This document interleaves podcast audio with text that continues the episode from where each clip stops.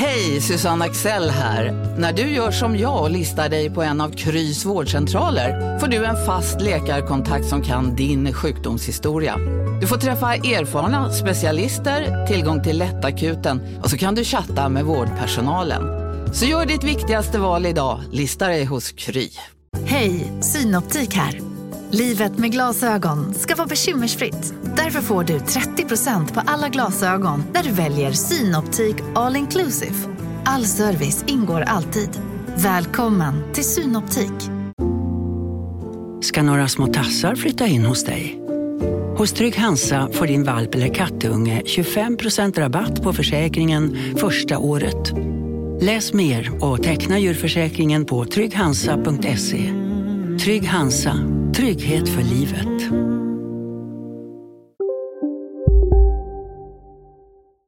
Det här är Försvunnen. Tove är 160 centimeter lång och har rött lockigt hår. Har du tips, kontakta polisen. Ett försvinnande som kommer att drabba hela Sverige fick ett tragiskt slut. Två tjejer sitter häktade och hela landet väntar spänt på om åtal kommer att väckas eller inte. Under förra veckan blev de misstänkta screening av deras psykiska hälsa offentlig. En så kallad P7-undersökning. Men vad är egentligen en P7-undersökning? Vad kan den komma att ha för betydelse? Och vad kan vi förstå om de misstänkta utifrån den? För att besvara de frågorna träffar jag läkaren och psykoterapeuten Rigmor Robert. Man gör den för att bedöma om eh, den som är misstänkt eller anhållen har en allvarlig psykisk störning, som det heter. Samtidigt jobbar polis och åklagare intensivt med sin utredning. I sitt arbete har man hållit hårt på sekretessen och på något sätt har man lyckats bedriva en utredning utan några som helst större läckor. Vad behövs för att väcka åtal? Och vad kommer vara avgörande om det hela leder till rättegång? För att få svar på de frågorna tar jag hjälp av den välrenommerade försvarsadvokaten Johan Eriksson. Om den en av dem skulle säga det var inte jag, det var den andra. Det är väl en sån här fråga som någon tänker kan vara intressant. Precis.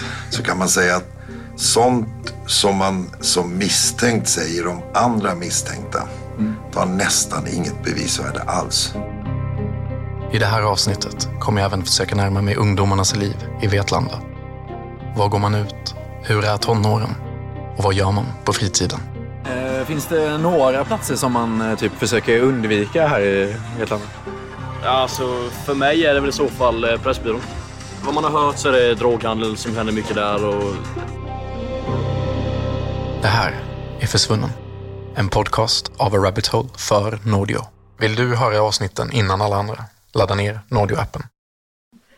Eh, Men då kör jag från frågan från början. Ja. Ehm, Har du satt igång Nu maskinen? rullar den. Ja. Jag träffar Rigmor Robert. Hon är läkare, föreläsare och psykoterapeut.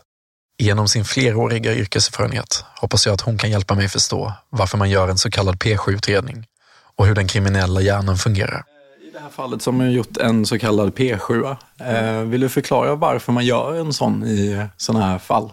Är det specifikt med våld eller ja, börja med varför man gör den helt enkelt? Man gör den för att se eller bedöma om eh, den som är misstänkt eller anhållen har en allvarlig psykisk störning, som det heter. Och en paragraf 7-undersökning eller utredning, den är bara på någon timme. Ett läkarsamtal med en helst rättspsykiatrisk specialist, annars ibland en psykiater. Och sen gör han eller hon en bedömning om det föreligger möjlighet att det rör sig om en allvarlig psykisk störning. Och då går man vidare och gör den här stora rättspsykiatriska undersökningen som pågår längre tid och som innehåller flera utre- aspekter av utredningar. Och den eh, gör man först då om man hittar någonting i den första? Ja, eller? så, det, Ja. ja, så det är som en, kan man säga en screening som man gör med många eh, personer som är anhållna misstänkta för allvarliga brott. Då, det är ju så att har man en allvarlig, får man den bedömningen, allvarlig psykisk störning, då kan man dömas, eller då döms man istället till rättspsykiatrisk vård. När det annars är tal om fängelse. Vad, vad är det man letar efter? Vad definierar en allvarlig psykisk störning i det de gör?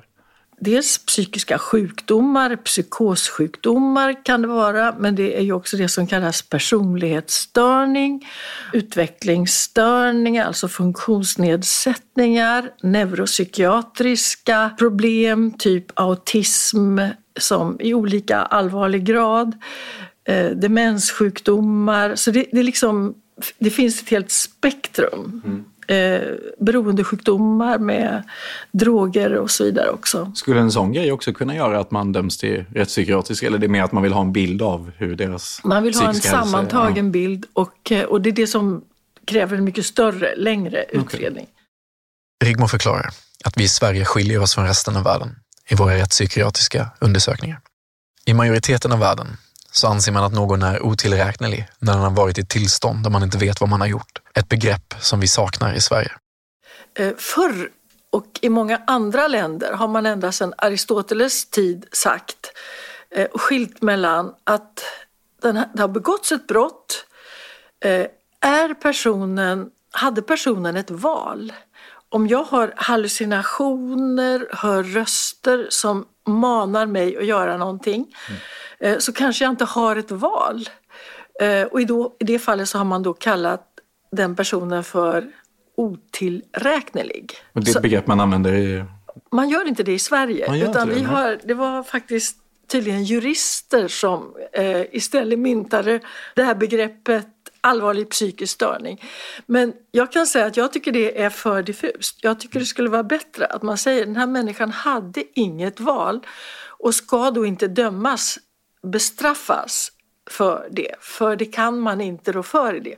Om det är ett litet barn som har begått brottet eller om det är en person då som är, har en psyk, i psykos till exempel eller på annat sätt eh, inte förstår vad han eller hon gör. Då är man sjuk och då ska man ha behandling, vård till dess man är frisk igen. En P7-undersökning räknas som en screening av en brottsmisstänkt alltså en övergripande undersökning. Det är ett sätt att ta reda på hur livet sett ut innan brottet har begåtts. Visar P7 på att det finns något tecken på en psykisk störning så genomförs en större undersökning för att fastställa hur pass allvarlig störningen är och vad det är för någon störning. Ehm, I det här fallet så har man inte bedömt att någon av dem har varit Nej. Eh, psykiskt sjuk. Så där kommer det nog inte att gå vidare till någon sån större Nej, precis. Alltså får de bara berätta sin berättelse? För jag märker inte någonstans att man eh, skriver så mycket om de häktade. Utan Nej. det är mer att de får berätta hela sin story ja. och sen gör man en bedömning. Man en bedömning. Ja. Är det, finns det vanföreställningar? Finns det tecken på lögner, hallucinationer? Finns det en, eh, en orealistisk självbild? Finns tecken på depression? Står patienten på några mediciner? Mm. Har han eller hon haft eh, kontakt med eh, rättsväsendet tidigare? Hur har uppväxten varit? Eh, har det varit några allvarliga svårigheter och sånt? Man tar alltså inte in vittnesuppgifter, om det är det du undrar över, i ja, den här P7. Nej, jag menade mer liksom att ja. de... De misstänkta skiljer sig i sina personlighetsprofiler där 20-åringen lyckats bra med skolgången till skillnad från 18-åringen som haft större problem i skolan. 18-åringen har även en historia av depression och ADHD-diagnos. 20-åringen har däremot inte visat några tecken på psykisk ohälsa. Rigmor Robert beskriver utifrån P7 att man får känslan av att 20-åringen är den mer dominerande i kompisrelationen medan 18-åringen är mer av en följare. Den ena är äldre, har lyckats bra med skolgången och den andra unga kvinnan är två år yngre och har haft svårigheter under skolgången men har också fått neuropsykiatriska diagnoser, har varit depressiv och ångestladdad och har fått diagnos ADHD nu. Medan den tidigare är en, gått bra för henne i skolan och en hästtjej med tuff så. Och den andra yngre flickan är också idrottsintresserad och har hållit på med bollsporter. 18-åringen förklarar att hon under ungdomen känt en nedstämdhet och en ångest, men att hon får hjälp genom barn och ungdomspsykiatrin. Barn och ungdomspsykiatrins utredning visade på tvångstankar, ADHD och att hon lider av en bristande självkänsla. Hon beskriver det ju som, den yngre kvinnan beskriver det ju som att hon har lite dålig självkänsla och känt sig osäker, haft lite ångest. Hon har också kanske använt alkohol på ett annat sätt. Den äldre unga kvinnan, hon verkar inte hon har körkort som brukar säga att hon kör bilen och inte mm. aktar sig för alkohol. 20-åringen berättar att hon har testat cannabis en gång men kände sig konstig och har därefter aldrig testat igen. Hon fortsätter med att hon alltid var försiktig med alkohol och gjorde en sen alkoholdebut. Oftast är det hon som kör och därför brukar hon hålla sig nykter. Men att hon under kvällen den 15 oktober är lite berusad. När 20-åringen ger sin version av vad som hände på nöjet den 15 oktober säger hon att hon och 18-åringen stöter på Tove på klubben. Då menar 20-åringen att Tove slår till henne och att de alla tre bestämmer sig för att gå till 20-åringens lägenhet för att lösa bråket. Sen ska Tove, enligt 20-åringen, ha gått hem. 20-åringen säger att 18-åringen börjar må dåligt och att hon tar hand om henne i lägenheten och att hon sen åker hem till sin mamma. När 18-åringen ger sin version av vad som hände på nöjet säger hon att 20-åringen hamnar i slagsmål med Tove. Hon nämner inte vem som börjar. 18-åringen ger samma bild som 20-åringen. Att de alla tre beger sig hem till 20-åringen för att lösa bråket. När de alla kommer hem till 20-åringen säger 18-åringen att hon går och lägger sig medan Tove och 20-åringen sätter sig i köket. Därefter ska Tove ha lämnat lägenheten medan 18-åringen börjat spy på toaletten. Hon avslutar med att säga att hon upplevde 20-åringen som avvikande dagen efter och att hon misstänker att 20-åringen är inblandad i Toves död. Rigmor menar att om det är de två misstänkta som faktiskt har begått brotten de sitter häktade för så har antagligen inte dådet varit planerat. Hon tror i så fall att brottet har hänt i affekt. Ja, här, min bedömning är ju att det här är ett otroligt olyckligt exempel på eh, någonting som har skett impulsivt. Mm. Nattetid.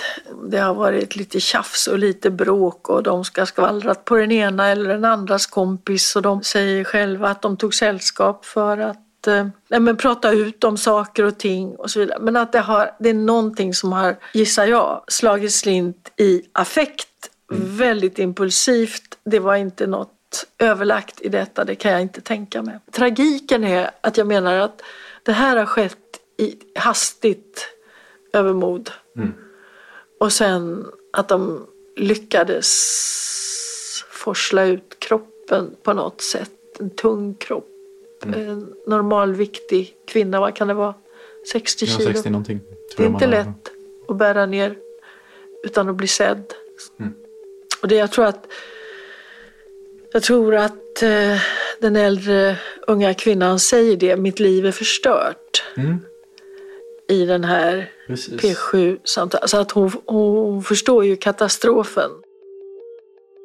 Mitt samtal med Rigmor är långt och vi pratar i generella termer om hur uppväxt och omgivning kan påverka en person till att begå brott.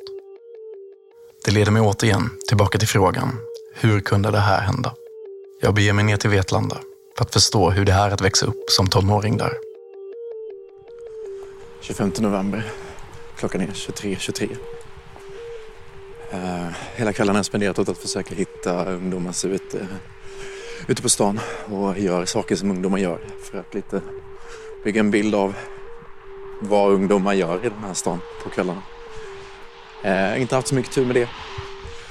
Däremot så började jag köra runt. Jag tänkte att McDonalds brukar vara, det var en samlingsplats där jag kom ifrån. Jag tänkte att det kunde vara det här också. Det jag söker efter är unga vuxna som kan beskriva vad man gör som ung. Men mitt sökande går trögt. Jag bestämmer mig för att ännu en gång följa i Toves och de misstänktas fotspår under natten mellan den 15 och 16 oktober. Under bilfärden blir jag stoppad av ett gäng ungdomar. En lite äldre kille och två yngre tjejer som vill ha skjuts hem med ett kort stopp på McDonalds. Tjena kompis. Du kör hem mig. Var bor du? Det är på vägen upp på vänster. Ska vi ta in Ja. Hoppa in. Ingen av dem känner sig bekväma med att ställa upp på en intervju. Men de förklarar att stämningen för de unga i Vetlanda är spänd. De alla bor i närheten av den lägenhet där Tove syns för sista gången och de berättar att om man är på väg hem en sen kväll så ringer man en kompis för att ha sällskap.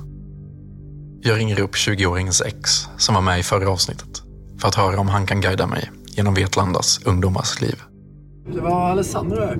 Eh, Vi snackades vid för, vad blir det, två veckor sedan någonting? Ja, just det. Precis. Tjena. Alltså just nu är jag i Kalmar, men jag kommer ju hem idag. Du kommer hem idag. Vilken tid är du hemma?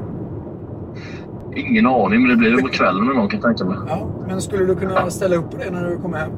Känner du? Men absolut, det kan jag ställa upp på. Det är inget problem. Ja, men vad härligt. Vill du slå min pling eller langa ett sms när du börjar dra dig mot? Okej. Så vi eh, befinner oss på Nöjet. Eh, Och jag är lite intresserad av eh, hur det är att vara ung i Vetlanda. Så var går folk ut och så här? Ja, men det är framförallt det nöjet man går till. Så är det. Sen har vi även ladan, men där är det mer äldre personer skulle jag säga.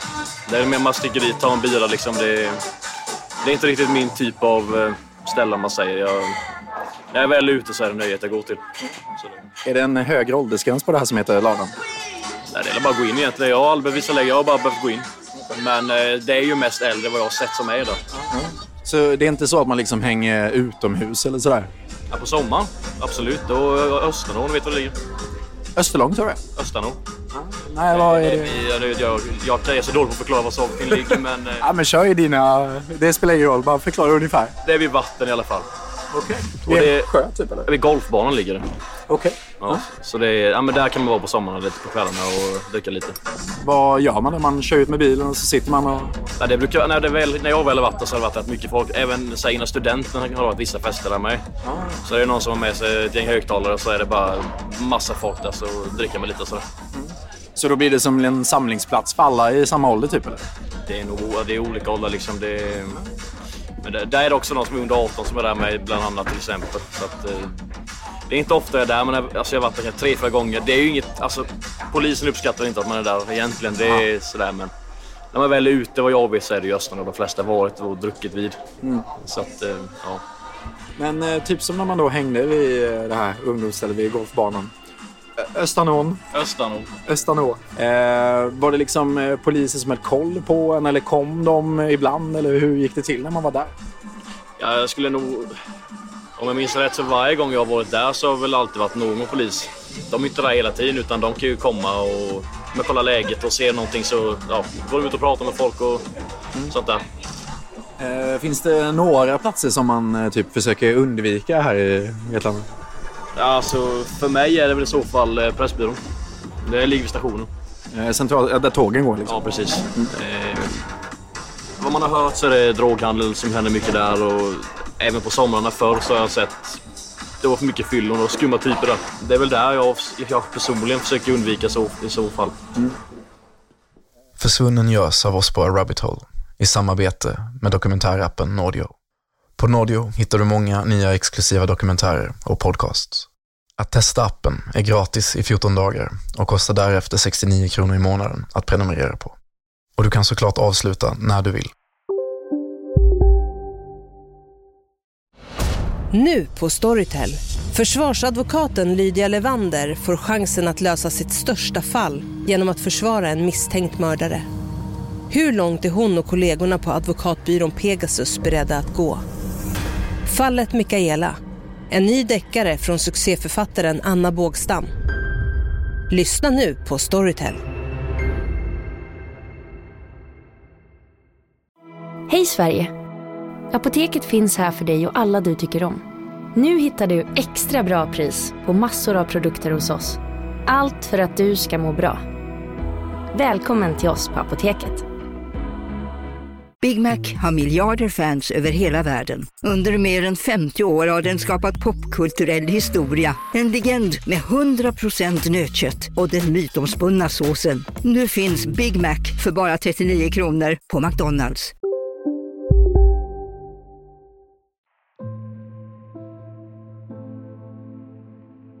Efter att ha suttit på nöjet och pratat om både tonårslivet och livet i stort undrar jag vad hans tankar är inför den eventuella rättegången. Jag märker att han blir mer tystlåten. Det visar sig att han kanske kan komma att kallas som karaktärsvittne och därför inte kan gå in på detaljer. Istället vänder jag mig till en av Sveriges profilstarkaste försvarsadvokater, Johan Eriksson, för att ta reda på vad som är viktigast om åtal väcks. Jag kan ju inte svara i detalj om själva ärendet, men jag kan prata om liksom, Nej, men det förstår jag. runda det handlar om. Ja. Eh, Jag har börjat banda det där. Ja. Johan Eriksson är författare, men framför allt är han advokat. Hans kanske mest uppmärksammade fall är då han försvarade Rakhmat Akilov efter hans terrorbrott på Drottninggatan 2017. Ett bevis på att Johan är en bra advokat är att han i flera år i rad har blivit utnämnd till advokaternas advokat. Med andra ord, om Sveriges advokater hade valt en offentlig försvarare hade de valt Johan. Det handlar då alltså om det här, började som ett försvinnande i Vetlanda. Eh, 21-årig tjej eh, och två häktade tjejer som är bekanta med henne. 18 och 20 år gamla. De har varit, hittills i alla fall vad polisen säger, så har de varit väldigt tysta. Även om de varit medgörliga i förhör har man sagt. Jag träffar Johan för att förstå vad som kommer bli viktigt framåt i fallet. Både för försvarare och åklagare. Hur svårt är det att väcka ett åtal utan att misstänkta pratar med en? För det första vet vi ju inte om det är så. Eh, När någon säger att man är- medgörlig men tyst så låter det ju som att polisen vill att de ska säga något annat än det som de tidigare har sagt, tänker jag. Eh, eh, För andra kan det vara bra att veta att det första man får veta när man är misstänkt i Sverige sedan någon tid tillbaka det är att man får sina rättigheter upplästa. Vi har aldrig gjort det, alla har sett det på deckare. Miranda-rättigheter, du vet, you have the right to remain in silence. Just det får alla misstänkta upplästa för sig i Sverige som det första som händer att man är misstänkt för brott. Du har rätt att vara tyst. Eh, du, du upplyses också om din rätt att inte medverka till utredningen om din egen skuld. Eh, och det där är ju ett klargörande att den som är misstänkt för brott just har den rättigheten. Så att tystnaden har ju blivit en, en, en stor fråga i debatten. Många uppfattar ju tystnaden som ett uttalande, alltså som skuld. Men man ska ju veta att det är ju inte, det är inte du som är misstänkt som ska förklara varför du inte är skyldig eller varför du är delvis skyldig eller oskyldig. Utan det är ju den som anklagar som ska visa att du faktiskt är skyldig. I mål där, där man, som det här då, eh, med två misstänkta utan att veta någonting vad de säger så kan man väl också tänka sig att det finns en möjlighet att det kommer uppstå en konflikt mellan dem. Hur mycket kan det spela in att man är vänner? För just i det här fallet är det ju två häktade vänner. Som, kan det bidra till att man håller sig tyst också? Ja, det kan, ju, det kan ju vara att man är väldigt nära vänner och tänker att jag tänker om du tänker att det är två, du och jag som är misstänkta då, och vi vore vänner så tänker jag det var du som gjorde det där. Jag tänker att det får du fan ta på dig. Jag tänker att jag sitter där och väntar till dess att du tar på det där. Jag vill inte, jag tänker inte skylla mitt ansvar på dig. Jo, men det beror också på hur nära vänner man är. Ja, jag. man är riktigt Ja. nära vänner så kanske man tänker att jag, jag är säker på att, att eh, Johan kommer ta på sig det där till sist. Även om han väntar nu. För man kan ju ändå tänka att det, det kanske inte är så konstigt att människor som är, även om de är skyldiga, tänker att jag vill i alla fall inte bli dömd om inte bevisningen räcker till. Och som sagt var, det finns ju alla de möjliga tänkbara förklaringar till att saker går snett. Man, man tänker ju att två ostraffade ungdomar plötsligt skulle bli något mördarteam här. Det känns ju ändå lite långt bort, gör inte det? Däremot att det kan ha uppstått något bråk. Eh, någonting som har lett till någonting eh, som inte alls var tänkt från början. Det är ju en annan femma. Sen är det ju igång. Det är inte så lätt. Och så kanske vi lovar varandra att vi håller käften nu. Sen måste det vara en press att inte veta om den andra gör det heller då, i ett sånt läge. Nej. Men det, försöker, det, det är ju däremot ett spel som, som kan pågå i såna här ärenden. Att om, om vi säger att du börjar prata så kanske polisen kommer till mig och säger att du vet, nu ska du veta att nu har han börjat snacka här. Han fortsätter med att tystnaden också kan bero på att bra advokater ofta instruerar sina klienter att vara tysta. Om man biträder en 18-åring, jag vet ju att en av dem är 18 år, eh, som är misstänkt för ett brott där det finns livstidsfängelse i straffskalan, vilket i sig är ohyggligt att man ens eh, har kunnat komma på något sånt i lagstiftningen. Eh, Då vet man att en person som befinner sig i den situationen kan riskera att ljuga. Att vi tänker att man drar ihop någon vals hittar på någonting, försöker hitta någon enkel förklaring, någon enkel väg ut. Eller rent utav börja skylla på någon annan. Och att lämna oriktiga uppgifter under förundersökningen, det är ganska dåligt. Så därför kan man säga att varje klok advokat säger till sin klient att om du ska säga någonting så ska det nog faktiskt vara sant. Och om du eh, ska börja skylla ifrån det på någon annan så ska du nog tänka några varv innan du gör det om det inte är sant. Det, det skulle ju kunna vara så att de här personerna är helt oskyldiga till mord. Mm. Men kanske skyldiga till något annat. Det skulle ju kunna, ja, vad vet jag, det är bara fantasin som sätter gränser. Ja, Någon olycka eller något, någonting hände som inte var meningen att det skulle bli på det här sättet och så. Mm. Och att, man, att det då är oerhört viktigt att man, om någon ska lämna uppgifter, att man verkligen känner sig, den dagen du ska göra det så ska du verkligen vara förberedd. Johan förklarar att utredningen fortfarande är i ett tidigt stadie och det kan handla om 6 till 8 månader innan åklagare är redo att väcka åtal. För försvarets del är det viktigt att besöka sin klient ofta innan åtal väcks och bygga upp en relation med sin klient. Dessutom är besöken viktiga för klienterna, för den psykiska hälsans skull, eftersom han menar att sitta häktad är en stor psykisk påfrestning, speciellt för så här unga misstänkta. Det är påfrestande bara att sitta två månader på häkte. Mm. Det är synnerligen påfrestande i den här åldern. Alltså att, att sitta på ett häkte innebär att man sitter 23 timmar om dygnet i avskildhet. Sen får man en timme möjligen på taket för att få lite frisk luft. Ja. Det är inga så här, man äter inte tillsammans och sånt? Nej, man sitter ensam i sin cell och äter. Man är helt isolerad. Och de här har ju naturligtvis restriktioner. Från början hade de ju väldigt stränga restriktioner. Det har de ju inte nu längre vet jag. Men, mm. Alltså att de får se på tv och så. Mm. Men det får du göra i cellen. Det är inte något tv-rum. Utan du är ensam i din sju kvadratmeter stora cell. Då tänker du att om du skulle vara ett sju kvadratmeter stort rum som består av en säng, en, en liten vad ska jag säga, skrivplats och en bokhylla och sen en ganska liten tv på väggen och en radio. That's it. Inte på alla häkten ens toalett utan du måste då ibland på vissa häkten flagga på för att kunna gå på toaletten. Alltså du ringa på så ska någon komma. Ska du säga jag vill gå på toa så får du göra det. Och där tillbringar du din tid helt i avskildhet och mat lämnas genom en lucka i dörren. Mm. Eh, den personliga kontakten består av någon annan det är ingen, jag lägger ingen kritik med det, utan det kan ju vara kriminalvårdare, de ju, gör ju vad de kan. Som kan säga hej och så. Mm. Men annars är det din advokat som kanske kommer på besök någon gång i veckan. Ehm, man får ju inte ringa, man får inte ha tillgång till internet. Om vi då lägger på att du dessutom sitter där inne och tänker att undra om alla sviker mig nu och jag undrar om min flickvän lämnar mig och mm. undrar vad det står i tidningen om mig och alla måste hata mig. Och, mm.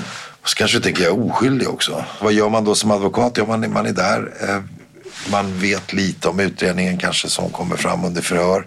Man pratar om det där, man pratar om strategiska saker. Ofta har man inte så mycket liksom, sak att prata om för man har ingen bevisning.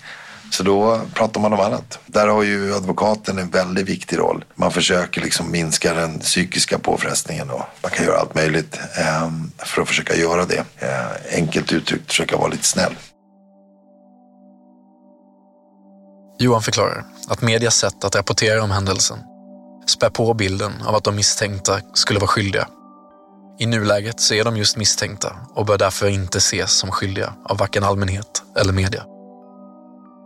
Så som den massmediala beskrivningen har blivit kring de här två väldigt unga människorna så är det ju som att det, det är ingen, det, det kanske inte är så mycket fråga om skuld utan det är fråga om hur skulden ser ut. Men det vet vi ju faktiskt ingenting om.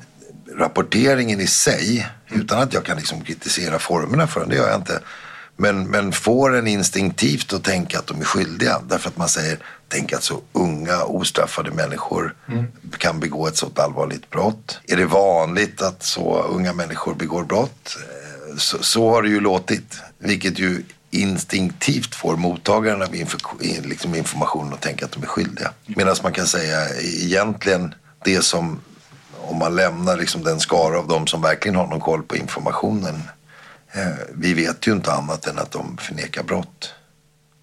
Mm. Och att de då, som det nu lät, medverkar men ändå är tysta. Eh, men, men om man ska tala lite i termer då om, om två misstänkta personer. Om man börjar med vad kan det ha för betydelse om, de skulle, om, jag, om den en av dem skulle säga det var inte jag, det var den andra. Ja. Det är väl en sån här fråga som någon tänker kan vara intressant. Sånt som man som misstänkt säger om andra misstänkta på svenska kanske skyller ifrån sig. Mm. Det har nästan inget bevisvärde alls. Det kanske kan uppfattas i utredningen som bra. Mm. Man kan ju, det kan ju hjälpa utredningen framåt om, om uppgifterna är korrekta. Så kan det vara att jag säger, det var du och vi åkte dit och slängde ifrån oss någonting. Eller, det kan ju vara kontrollerbara uppgifter men, men att bara skylla på någon annan det har nästan inget bevisvärde alls. Och det är ju därför att mycket av det vi sysslar med i juridik handlar ju om sånt som vi vet.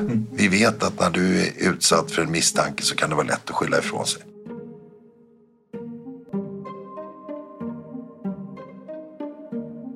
Framåt, hur liksom förbereder man ett försvar för något sånt här? I ett sånt här läge? Ja. Eh, nu tänker jag att nu, de har suttit två månader sa du ungefär va? Mm. Det, är- de är fortfarande i ett mycket tidigt skede i utredningen skulle jag ju säga. Mm. Erfarenheten säger att ett sånt här mord tar åtta månader, minst upp mot ett år eh, att utreda. Skälet till det är att det, det, jag är rätt övertygad om att det är omfattande kriminaltekniska utredningar och rättsmedicinska utredningar som ska ske. Man ska söka bevisning, man ska säkert försöka eh, använda sig av information från telefoner, man ska höra massa människor och man ska liksom söka motiv. Eh, eller liksom för åklagarsidan kommer det absolut viktigaste bli teknisk bevisning. Även om ett erkännande skulle komma så måste teknisk bevisning kunna fastställa att det ligger något i själva erkännandet. Erkännande har alltid kraft. Men ett erkännande är inte heller full bevisning. Så du kan ju tänka dig att du kan erkänna. I ett sånt här fall måste man, skulle man ju ändå känna att man vill vara väldigt försiktig med det. Men så liksom, om någon erkänner så måste man fortfarande hitta bevis som visar Mm, att detta mm, stämmer? Ja, ja precis. Exakt. Erkännandet ska stödas av bevisning. Mm, så är det. Men kriminaltekniska bevisning tror jag i ett sånt här mål blir väldigt viktigt. Att försöka hitta brottsplatsen tror jag blir viktigt. För brottsplatsen och påträffandeplatsen behöver ju då rakt inte vara detsamma. Och då tror jag att just brottsplatsen kan vara oerhört viktigt. Och då kan man tänka sig att folk försöker göra brottsplatser rena och sådär från spår och tvätta bort blod. Det är nästan omöjligt att göra det så att inte en tekniker hittar det ändå. I alla fall om man har befunnit sig inomhus. Det är oändligt svårt eh, att helt ta bort spår givet att brottsplatsen är inomhus. Är den utomhus blir det ju besvärligare.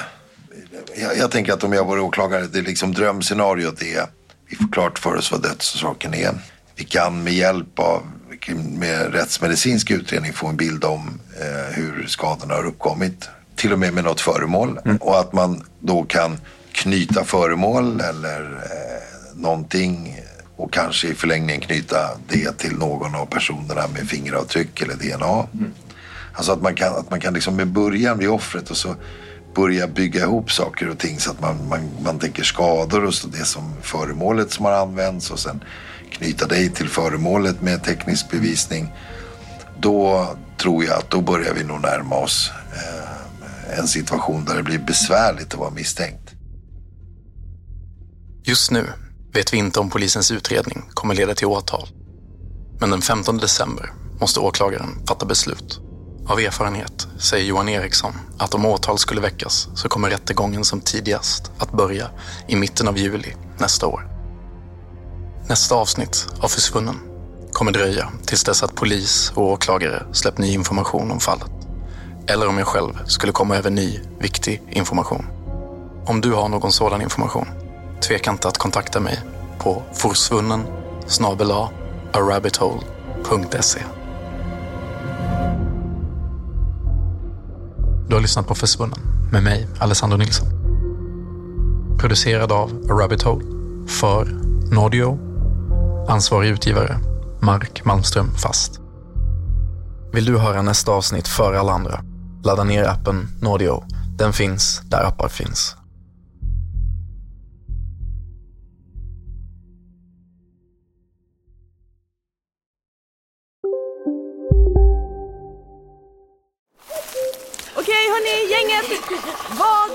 Är vårt motto? Allt är inte som du tror. Nej, allt är inte alltid som du tror. Nu täcker vårt nät 99,3 procent av Sveriges befolkning baserat på röstteckning och folkbokföringsadress.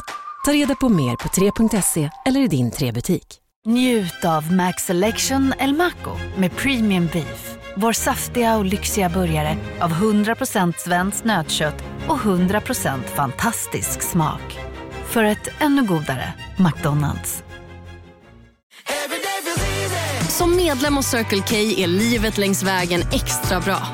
Just nu får du som ansluter dig 50 öre rabatt per liter på de tre första tankningarna och halva priset på en valfri biltvätt. Och ju mer du tankar, desto bättre rabatter får du. Välkommen till Circle K.